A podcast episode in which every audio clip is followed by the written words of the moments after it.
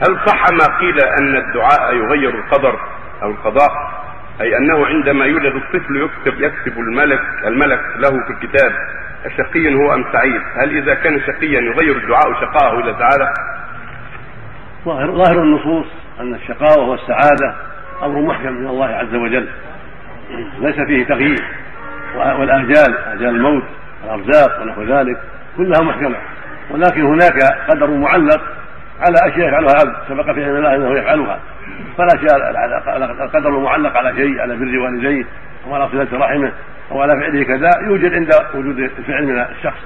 وهناك أشياء معلقة قدر معلقة على أشياء يفعلها الانسان والله يعلم كل شيء سبحانه وتعالى يخفى خافه فجعل البر من أسباب زيادة العمر. صلة الرحم كذلك. وجعل المعاصي والسيئات من أسباب نزع البركة ومن أسباب قصر الأعمار إلى غير ذلك. فالحاصل ان أن هناك أقدار معلقة توجد بأسبابها المعلقه عليها. وهناك أقدار محكمة ليس فيها تغيير لا تغير بالدعاء ولا بغير الدعاء كالشقاوة والسعادة والاجال المضروبة المحكمه إلى غير ذلك. وذهب بعض أهل العلم إلى أن كل شيء يمكن تغييره أن الله قال يمحو الله ما يشاء ويثبت وعنده أم كتاب وأن الله جل أمر بالدعاء وشرع الأسباب وعلق ما يشاء على ما يشاء سبحانه وتعالى.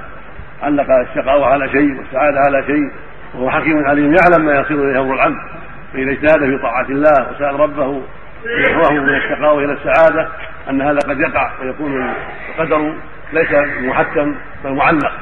فيروى عن بعض السلف ويروى عن عمر أيضا أنه كان يقول اللهم إن كنت كتبتني شقيا فاكتبني سعيدا. هذا قاله جماعة من أهل العلم والمشهور عند أهل العلم والأكثرين الأول أن الشقاوة والسعادة والآجال أمر مفروغ منه. وهذا يدل على الحديث الصحيح حديث علي رضي الله عنه. وارضاه أنهم سأل الصحابة قالوا يا رسول الله هذا الذي نعمل أهو في أمر قد مضى وفرغ منه أو في أمر مستقبل. قال بل في أمر قد فرغ ومضى وفرغ منه. قال يا رسول ففيما العمل؟ قال اعملوا فكل ميسر لما خلق له. أما أهل السعادة فيسر لعمله السعادة. وأما أهل الشقاوة فيسر لعمله الشقاوة. ثم قرأ النبي صلى الله عليه وسلم فأما من أعطى واتقى وصدق بالحسنى فسنيسره يسرا وأما من بخل واستغنى وكذب بالحسنى فسنيسره العسرى. فالصواب هو قول الأكثرين وأن الأشياء المقدرة التي مضى بها علم الله وفرغ منها علم الله سبحانه وتعالى هذه لا تغير ولكن الله جل وعلا يوفق العباد لأسباب توصلهم إلى ما قدر لهم توصل السعيد إلى السعادة وتوصل الشقي إلى الشقاوة. ولا حول ولا قوة كل ميسر لما خلق. له هذا كان الدعاء عن عمر ولا عن ولده؟ نعم. الدعاء هذا عن عمر ولا عن عبد الله؟ الذي يذكر هو عن عمر.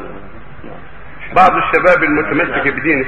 الحديث الذي ثبت عن النبي عليه الصلاه والسلام في مقلب القلوب. قلب هذه المسائل العشر قال أنا اعلم من قلوب العباد بين اصبعين السابع هذا ما ما ينافي. شاهد الجغال ما ينافي. ما سبق به علمه سبحانه وتعالى أو ما ينافي. هو مقلب القلوب على ما سبق به. علمه سبحانه وتعالى يا شيخ ما في حديث يقول إن البلاء والدعاء يتعالجان والأرض؟ بلى. صحيح هذا الحديث؟ جاء جيد نعم بعض لا ينافي ما سبق به علم الله. نعم. كل يوفق لما قدر له. نعم.